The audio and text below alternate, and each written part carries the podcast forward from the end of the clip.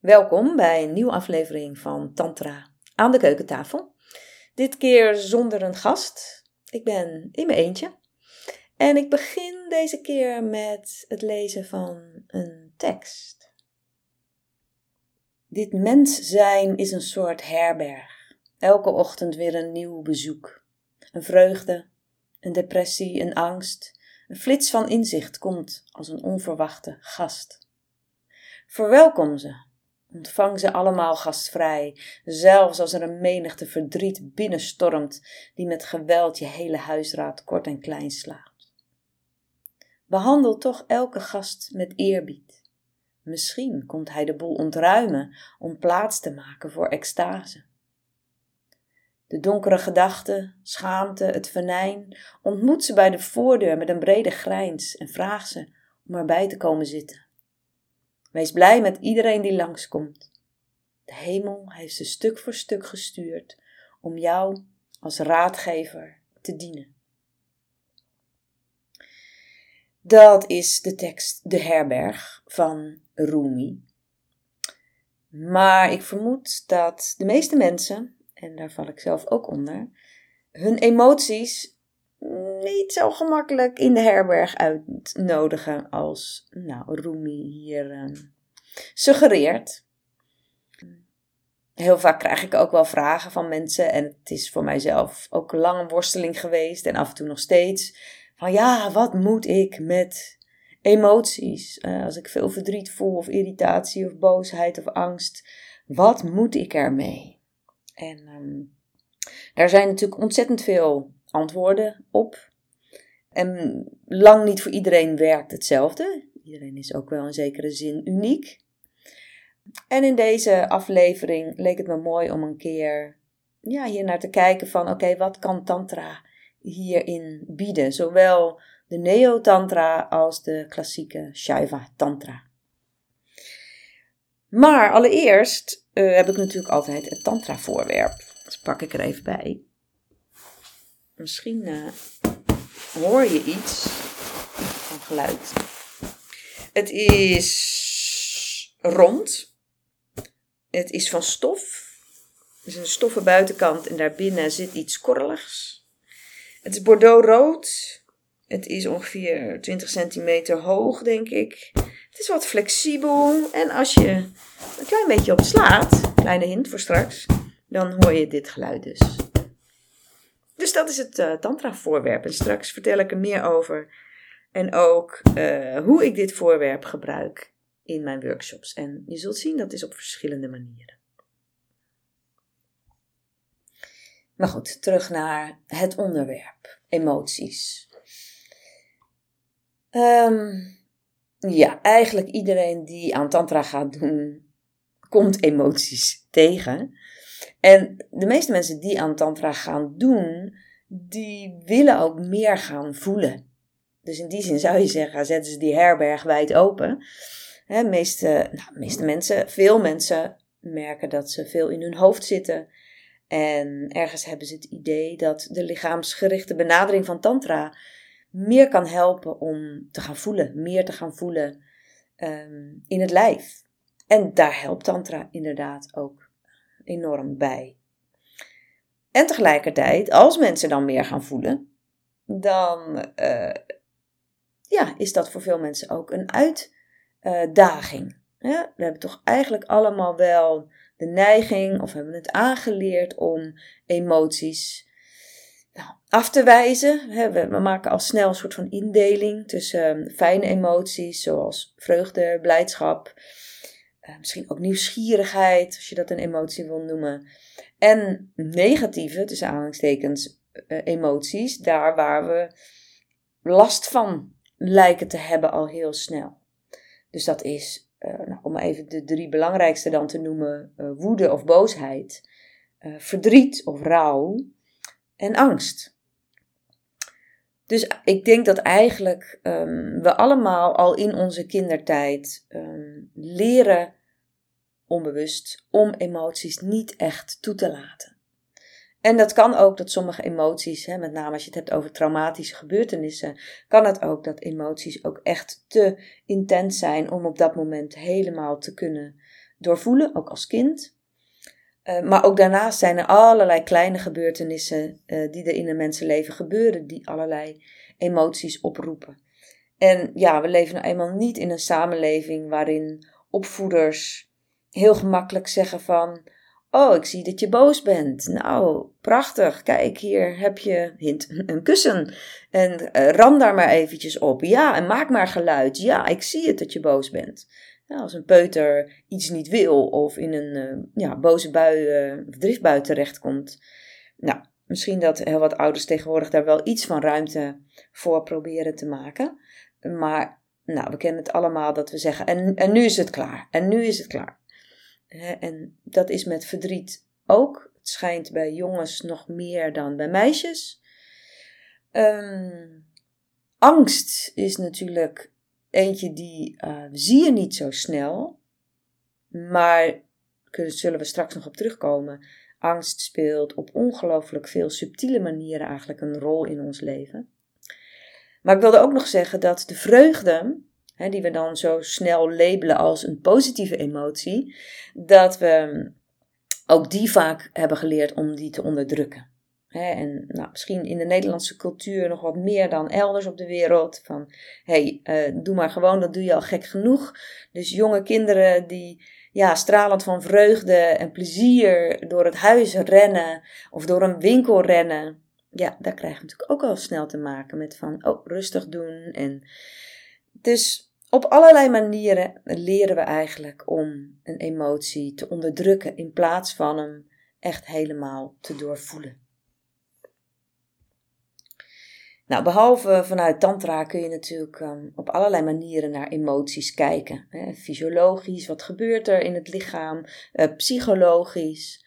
En er wordt ook wel gezegd van, ja, emoties zijn uh, een reactie op dingen die er gebeuren. En dat is heel natuurlijk en heeft ook allemaal een functie. En op heel basic niveau, maar zeggen, eh, zijn emoties een, een manier om te kunnen overleven in moeilijke situaties. dus uh, boosheid kan je enorm uh, helpen om aan te geven wat je niet wil. Uh, verdriet schijnt een functie met name ook gehad te hebben in tijden dat we nog in um, tribes, uh, stammen leefden, en nog steeds leven natuurlijk in zekere mate in groepen, dat het tonen van tranen uh, ook compassie oproept bij een ander en verzachting. Dus zo hebben al die um, emoties ook gewoon goede functies. Angst kan ervoor zorgen dat je gaat vluchten. En ook bevriezen, wat natuurlijk bijvoorbeeld bij misbruik nogal eens gebeurt. Dat kan in ieder geval in de dierenwereld is dat vaak een redmiddel. Hè, dat het dier niet gezien wordt als het bevroren stilstaat. En uh, ook bij mensen heeft het een zekere functie. Hè, dus dat het je op, op een of andere manier afsluit voor de nare situatie die er op dat moment gaande is. Dat wil niet zeggen dat het op de lange duur een oplossing is, maar wellicht in dat moment wel. Nou, kortom, we leren al snel dus om te onderdrukken, om niet te voelen of om een emotie niet te uiten. Maar het kan ook dat we het destructief gaan uiten. dus je kunt je voorstellen dat uh, emo eten, dus je voelt iets van narigheid. Je denkt, oh, een zak chips. En je vreet hem zo achter elkaar op. En ergens geeft dat ah, een soort van rust in jezelf. Ingewikkeld ook nog wel aan emoties is dat we ook andere dingen kunnen laten zien dan wat we eigenlijk voelen. Dat kan heel snel gebeuren bij boosheid en verdriet. Er wordt ook wel gezegd dat verdriet onder boosheid zit. En dat je ontzettend boos wordt, maar als je daarna nog eens beter zou invoelen, oh, dan voel je eigenlijk het verdriet dat eronder zit. Met ook een andere behoefte, een behoefte wellicht van troost. Maar voor veel mensen geldt dat het, zeker ook in de veiligheid van een intieme relatie, dat boosheid laten zien, dus dat is een wat verhardere emotie, dat dat makkelijker is dan de verzachting en de kwetsbaarheid van verdriet. Dus dat verklaart wellicht dat we ja, al snel boosheid kunnen laten zien en geïrriteerd reageren, terwijl er eigenlijk eh, verdriet onder zit. Iets wat emoties heel erg ingewikkeld maakt als mens, is dat we enorm belang kunnen hechten aan het verhaal. Dus uiteindelijk, we zullen straks horen wat Tantra over emoties zegt. Ja, die zegt ja, dat is een, een fysieke ervaring in het lichaam. Maar wij als mensen hebben zo geleerd om er een verhaal aan te koppelen. En dat wordt ons eigenlijk ook met alle goede bedoelingen als kind ook al aangeleerd. Dus wat ik me zo kan voorstellen op scholen, dat ze daar die uh, emoticons hebben hangen. en hoe voel je je vandaag? Ja, ik voel mij blij. Nee, ik ben wat boos. Uh, want dat en dat is gebeurd. Dus we, de verbinding eigenlijk met de fysieke ervaring in ons lichaam, van waar in mijn lichaam, heel vaak in de romp, bijna altijd in de romp, altijd in de romp, zal ik maar zeggen. Bijvoorbeeld in de buik, van oh ja, oh, daar voel ik een knoop, een bepaalde sensatie. Dat leren we niet, maar we leren al eigenlijk van jongs af aan een interpretatie eraan te geven. En die is, heeft heel vaak een verband met iets wat gebeurd is. Daar kom ik zo nog op terug. En een laatste punt wat uh, emoties ingewikkeld kan maken, is dat het is niet alleen wat er in het hier en nu speelt, dat we voelen, maar we hebben allerlei oude onverwerkte emoties in ons systeem zitten. Tenzij we daar al misschien heel veel werk in hebben gedaan, want daar is wel zeker ook opruimwerk in, uh, in mogelijk. Maar heel vaak gebeurt het dat er een trigger is, dat je door iets geraakt wordt wat in het hier en nu gebeurt. Maar dat je merkt dat je zo intens reageert dat je eigenlijk wel weet, zeker als je langer op dit pad wandelt, van wacht even, hier zit diepere shit onder. En dat maakt het, ja, dat, dat je reacties veel intenser kunnen zijn dan wellicht het hier en nu aanleiding toegeeft. Dus, nou, dat was zo even. Er waren een paar dingen die het um, ingewikkeld kunnen maken. En tegelijkertijd is het ook ontzettend boeiend om met dit onderwerp bezig te zijn. Ik zei al, er zijn verschillende visies om naar emoties te kijken. Uh, de Tao bijvoorbeeld, Taoïsme, dat is ook boeiend. Hè, die leggen heel erg de verbinding met de organen. Hè, alle organen verbonden met bepaalde emoties. Dat doet Tantra eigenlijk een stuk minder. De Ayurveda doet dat zeker ook wel. Ehm, het Boeddhisme. Het Boeddhisme heeft ook wel heel erg, wel vergelijkbaar met het Soefisme, ehm, verbinding of een focus met het hart. En heel erg het, het zijn met elkaar en de liefde met elkaar. Ehm, maar als je nou, een gemiddelde Tantra-workshop bekijkt en ziet hoe er daar met emoties wordt omgegaan, in, in alle variëteit overigens, dan zul je zien dat in boeddhisme dat over het algemeen wat rustiger aan toe gaat. Goed, de tantrische visie. Ik zei het net al. Ehm, nou, de psychologie zal wat meer focussen op de mind, maar de tantra die focust op het lichaam en op het energetische stuk. En voor tantra is een emotie dus niets meer of minder dan een fysiek-energetische ervaring in het lichaam. En uiteindelijk zullen we er ook op uitkomen dat de belangrijkste sleutel is om dat toe te laten. Het betekent dus ook dat het verhaal eromheen wel degelijk ook er mag zijn. we, we sluiten niks uit in Tantra, we veroordelen niks. Maar we hechten er ook geen belang aan.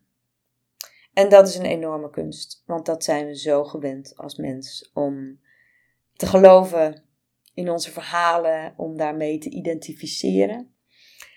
Maar dat loslaten, dat is het hele spirituele stuk ook. Dat is zeker ook het stuk vanuit de klassieke tantra. De identificatie aan de ik, aan de zogenaamde ik die daar in jou huist. Jouzelf, waarin je in gelooft, je persoonlijkheid met alle dingen die je hebt meegemaakt. En dus voel je dit of dat. Die hele identificatie daaraan voorbij mogen gaan. En uiteindelijk ontdekken wat je werkelijk bent. Bewustzijn, In de vorm van een lichaam, in de vorm van een bepaalde vibratie. En een bewustzijn dat in alles en iedereen zit. Ja, dat is het spirituele stuk van Tantra. Nou, als we dan nog eventjes terugkomen op dat energiestuk. Je zou kunnen zeggen, oké, alles is energie. En energie kan stromen en energie kan stokken. En door alle dingen die we meemaken in het leven, al die momenten waarin we eigenlijk onze emoties niet vrij mochten of konden doorvoelen of verteren, zou je ook kunnen zeggen, dan bouwen we eigenlijk allemaal sanskara's op, zoals dat heet. Allemaal pijnpuntjes, blokkades, uh, verkrampingen, waardoor de energie niet meer stroomt. En tantra, zowel de neo-tantra als de klassieke tantra, zijn erop gericht om die energie weer meer te laten stromen. En dat kun je op allerlei manieren doen, aan werken en op allerlei manieren gaan ervaren. Dus dat betekent bijvoorbeeld in de seksualiteit dat de energie makkelijker kan stromen, dat je meer kunt voelen in je hele lichaam. Maar op het gebied van emoties, dat je dus minder gaat hangen aan je verhaal. Dat je veel eerder kan voelen van, oh wacht even, er is de verkramping hier om hartgebied. Oh, daar kan ik even naartoe ademen. Ik ben even in een verkramping nu. Ik heb de neiging om naar een verhaal te gaan. Dat is niet nodig. Ik mag het voelen, ik mag het voelen. En als je dat even doet, dan zul je merken dat het nooit voor altijd blijft. Emoties komen eigenlijk en gaan weer als golven. En daarna zul je merken dat het wat opener is. En dat de energie weer meer kan gaan stromen. Dus het is bij de tantrische manier van omgaan met emoties is niet zozeer let it go. Dat is een uitspraak van mijn leraar Christopher Wallace. Maar let it flow. Dus het is niet zo van, oh, ik heb boosheid, ik heb verdriet, ik heb rouw en daar moet ik vanaf, dus ik moet het loslaten. Ik mag het laten stromen. Dus misschien dat je dat beeld, als je even je ogen sluit, kunt voorstellen dat er allerlei plekjes in je systeem zitten. Daar heeft het een neiging om vast te krampen. En het mooie is dat juist de dingen die je in het hier en nu meemaakt, juist als je nu in een moeilijke situatie zit waarin je zegt: Oh, ik word iedere dag meerdere keren getriggerd. In angst, in boosheid, in verdriet, in verlangens. Dat dat dus een prachtige uh, uitreiking eigenlijk is van het universum om die te gebruiken. Om al die pijnpuntjes te ervaren, te mogen doorvoelen en daarmee ook oude pijn op te ruimen. En dat gaat daar automatisch in mee. Wat is hier dan voor nodig? Ik heb zelf gemerkt dat Tantra mij in de loop der jaren enorm heeft geholpen om veel meer lichaamsbewustzijn te krijgen.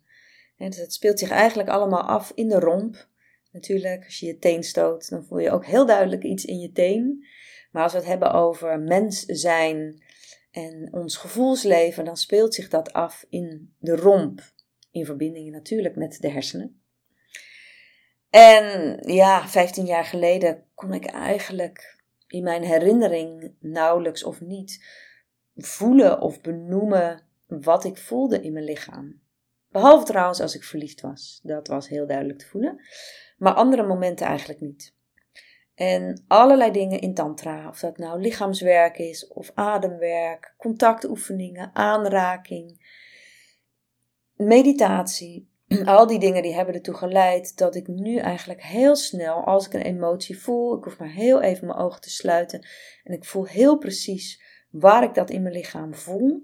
En intussen ben ik, ik zou zeggen, 9 van de 10 keer ook in staat om er naartoe te gaan naartoe te ademen, ermee te zijn en het te laten stromen weer. Of nou ja, daar doe ik dan niks in, maar ik laat het er zijn, ik ben er bewust bij en het ebt weer weg en ik kan weer meer voelen en het gaat weer meer stromen in mijn lichaam.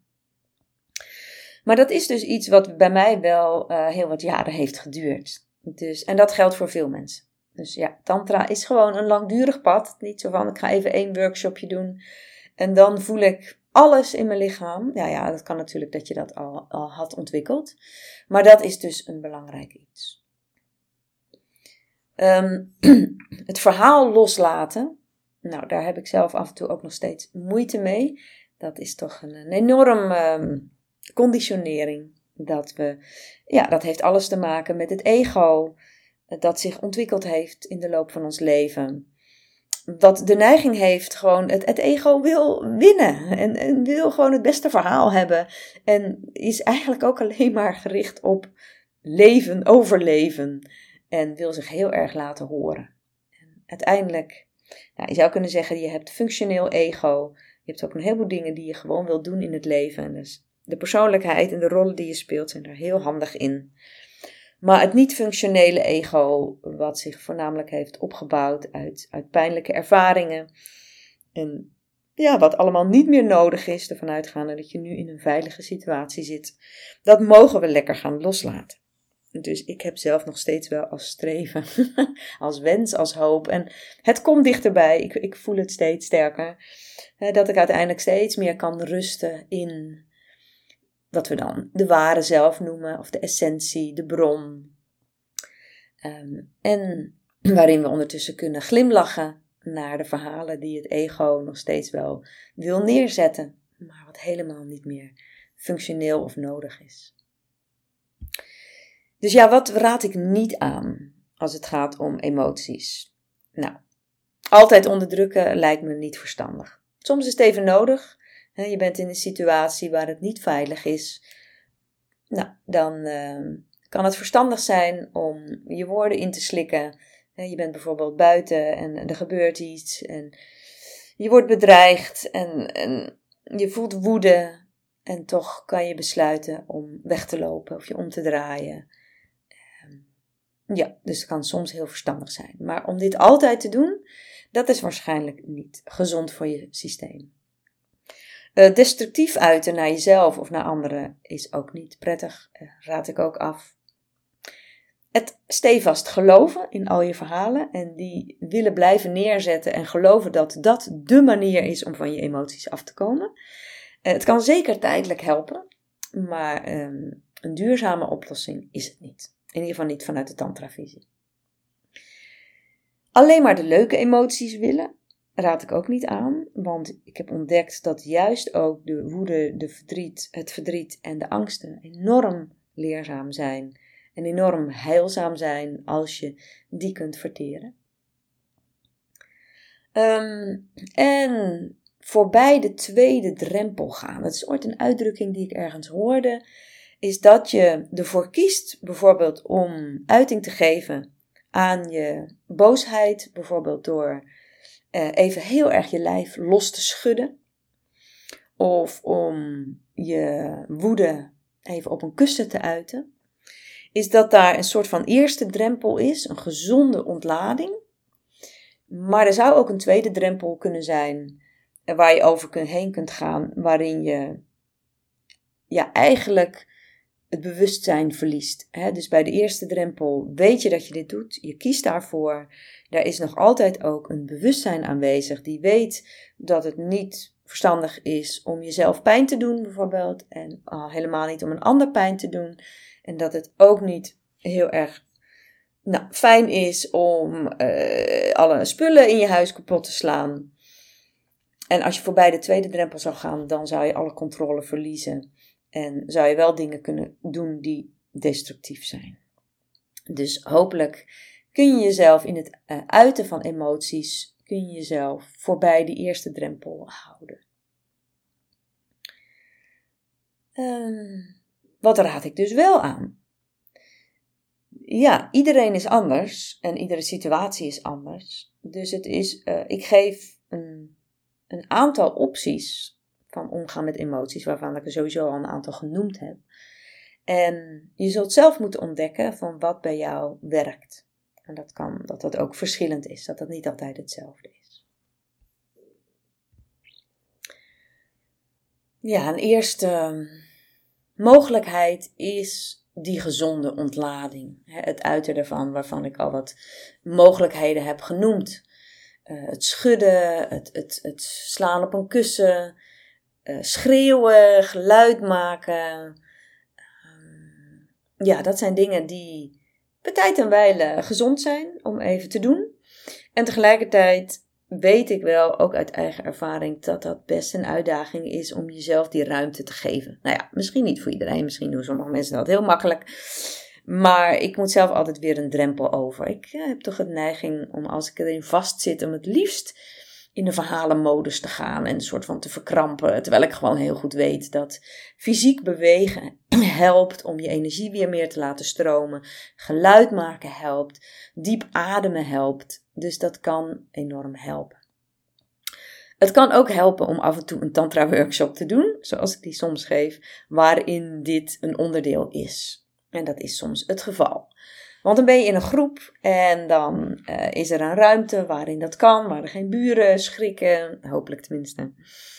Uh, dus ik merk altijd wel dat dat enorm bevrijdend kan zijn voor mensen om dat te doen met elkaar. Het kan ook schrikken zijn natuurlijk, um, maar het kan ook heel erg lekker zijn om daar ja, uiting aan te geven in een veilige omgeving, waar er ook support is als je misschien net even wat meer nou, ondersteuning nodig hebt.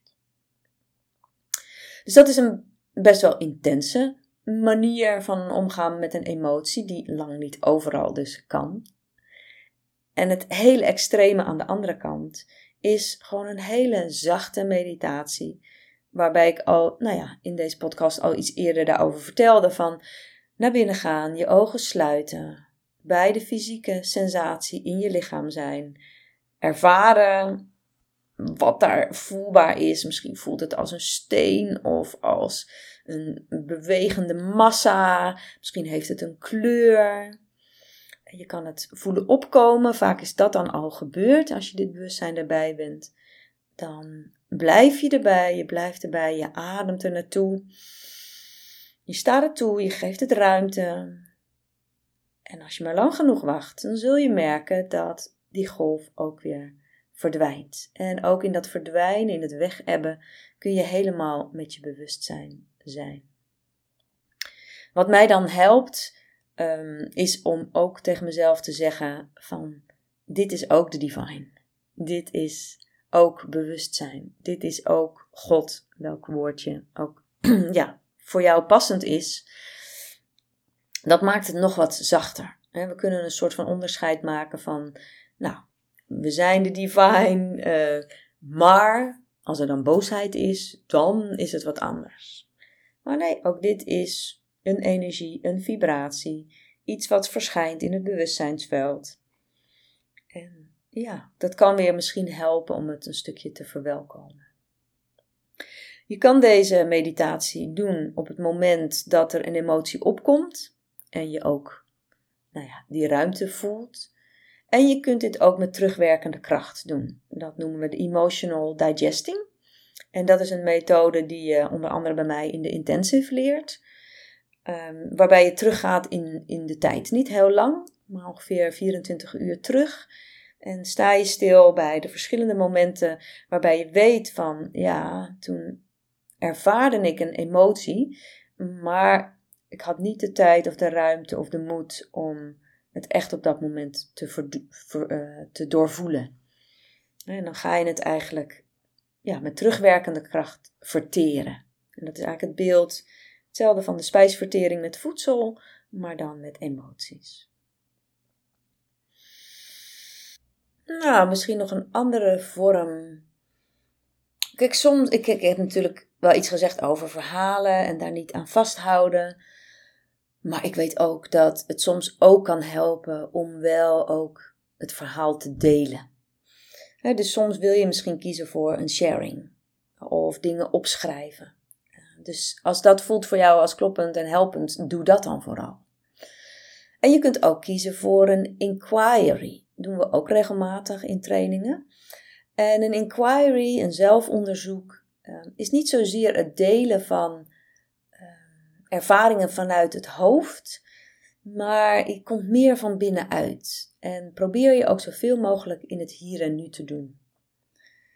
dus als je een inquiry zou doen over, of als ik die op dit moment zou doen, over mijn gevoelsleven, dan sluit ik mijn ogen en ik kan dat natuurlijk op mezelf doen. Ik kan het ook zittend tegenover iemand doen en de ander is dan luisterend naar mij en aanwezig.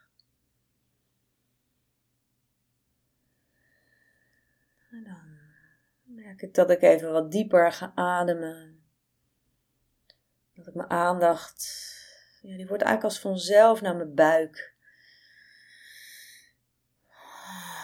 gebracht.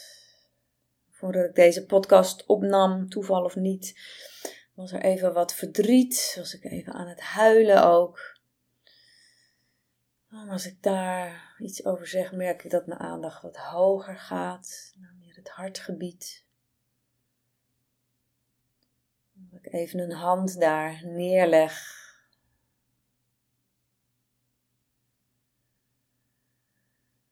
Wat dieper naar die, naar die hand toe adem.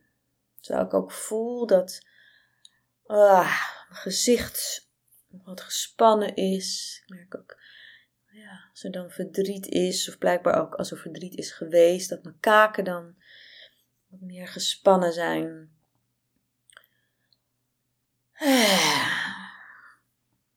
Dit is heel kort even hoe een inquiry uh, kan klinken.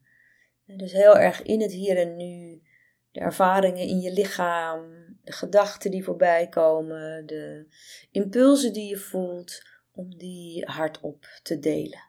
Kan natuurlijk ook in jezelf, maar ja, als je met iemand samen bent, kan het ook heel mooi zijn voor iemand om jou ja, daar getuige van te mogen zijn. Eh, ja, heel mooi zijn. En als je dat alle twee ombeurten, nou, bijvoorbeeld een minuut of zeven of tien doet, daarna nog oogcontact maakt, dan eh, ja, kan dat ook echt wel iets doen voor de verbinding tussen jou en de ander. Nou, ik ben alweer een half uur ruim aan het kletsen. Ik ga het erbij laten. Ik ga even terug naar uh, het tantra-voorwerp. Uh, ik denk dat je wel, ondertussen pak ik hem er weer even bij, had vermoed dat het een uh, meditatiekussentje is. Uh, en ja, hoe gebruik ik dat in workshops? Allereerst natuurlijk om op te zitten. Wat voor sommige mensen al een hele kunst is. Voor mij uh, intussen na 15 jaar, 16 jaar tantra kan ik vrij lang zonder problemen op een meditatiekussentje zitten. Maar veel mensen hebben daar ook wel tijd voor nodig. Om dat een goede zithouding te ontdekken. En voor sommige mensen blijft het ook worstelen. Um, maar ja, zo heel af en toe, als we met emoties werken, en met name als we met woede werken, hoewel, nee, verdriet ook, dan gebruiken we de kussentjes ook om op te slaan. En dan, als je dat doet, is het sowieso verstandig om je sieraden uit te doen, je vingers in elkaar te strengelen, zodat je als het ware één vuist krijgt met de duimen erbuiten. En dan kun je behoorlijk probleemloos eigenlijk mappen. Ik doe het nu even op het kussentje. Waarbij ik dus aanraad hè, om geluid te maken. Want als je alleen maar dit doet en ondertussen zet je je kaken op elkaar en span je je buik aan, dan weet ik niet hoeveel spanning je loslaat. Dus je slaat op een veilige manier, zodat je jezelf niet blesseert, op het kussentje, terwijl je goed doorademt en geluid maakt. Dat is een prettige manier. Ik moet wel eerlijk zeggen, niet alle kussentjes zijn er tegen bestand. Dus heel af en toe als we dit soort oefeningen doen, dan ineens vliegt uh, de, wat is het, boekwijd is het geloof ik, zit er vaak in, vliegt ineens de boekwijd uh, door de ruimte. Dus dat is even een aandachtspuntje. Kan jouw kussentje hier tegen? Of als het een kussentje van een ander is, of een ruimte van iemand anders. Ja, uh, kun je het dan goed, eh, goed doen kussentje kun je ook bij verdriet gebruiken. Dus wat we vaak doen als we verdriet de ruimte willen geven in een workshop, is dat je in de foetushouding gaat liggen en dat je het kussentje bijvoorbeeld vastpakt. dus ja, als een soort koestering. En voor sommige mensen helpt dat dan. Het, het draaien van bepaalde muziek kan trouwens ook enorm helpen. En zeker als het gaat om rouw. Er zijn allerlei nummers die uh, de rouw makkelijk kunnen triggeren. Eh, dus als dat juist iets is wat je wil, dat je zegt van, oh, nu wil ik daar gewoon eens even ruimte voor maken, dan eh, kun je daar een mooie playlist voor samenstellen. Even denken.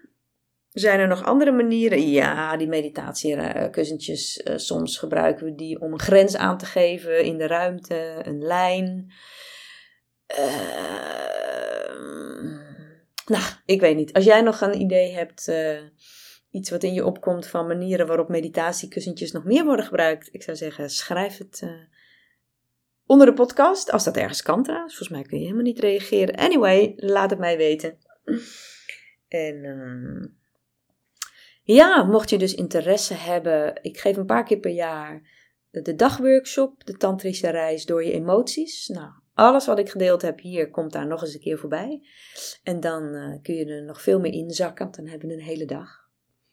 En in de intensive komen allerlei meditaties en technieken voorbij die hiermee te maken hebben. Dus de intensive level 1 en level 2 en de verdiepingsblokken daarna. Dus uh, voel je welkom om uh, ja, contact op te nemen, vragen te stellen, reacties te geven. Je kunt me altijd even een mailtje sturen, wendy.blissyourbody.nl en ook als je aanvullende visies hebt, hè, want nogmaals, dit is vanuit Tantra geredeneerd. En nog lang niet alles wat binnen Tantra bestaat. Ik denk nu even aan de Vijnana Bhairava Tantra, afgekort de VBT. Um, een, een geschrift met 112 technieken. En daar zijn er ook behoorlijk wat die met emoties te maken hebben. En een, één die ik hier genoemd heb, die komt daaruit, uit dit uh, geschrift. Maar er zitten nog andere technieken in. Dus um, ja, ontzettend veel inspiratie uit Tantra te halen, maar ook uit andere levensvisies.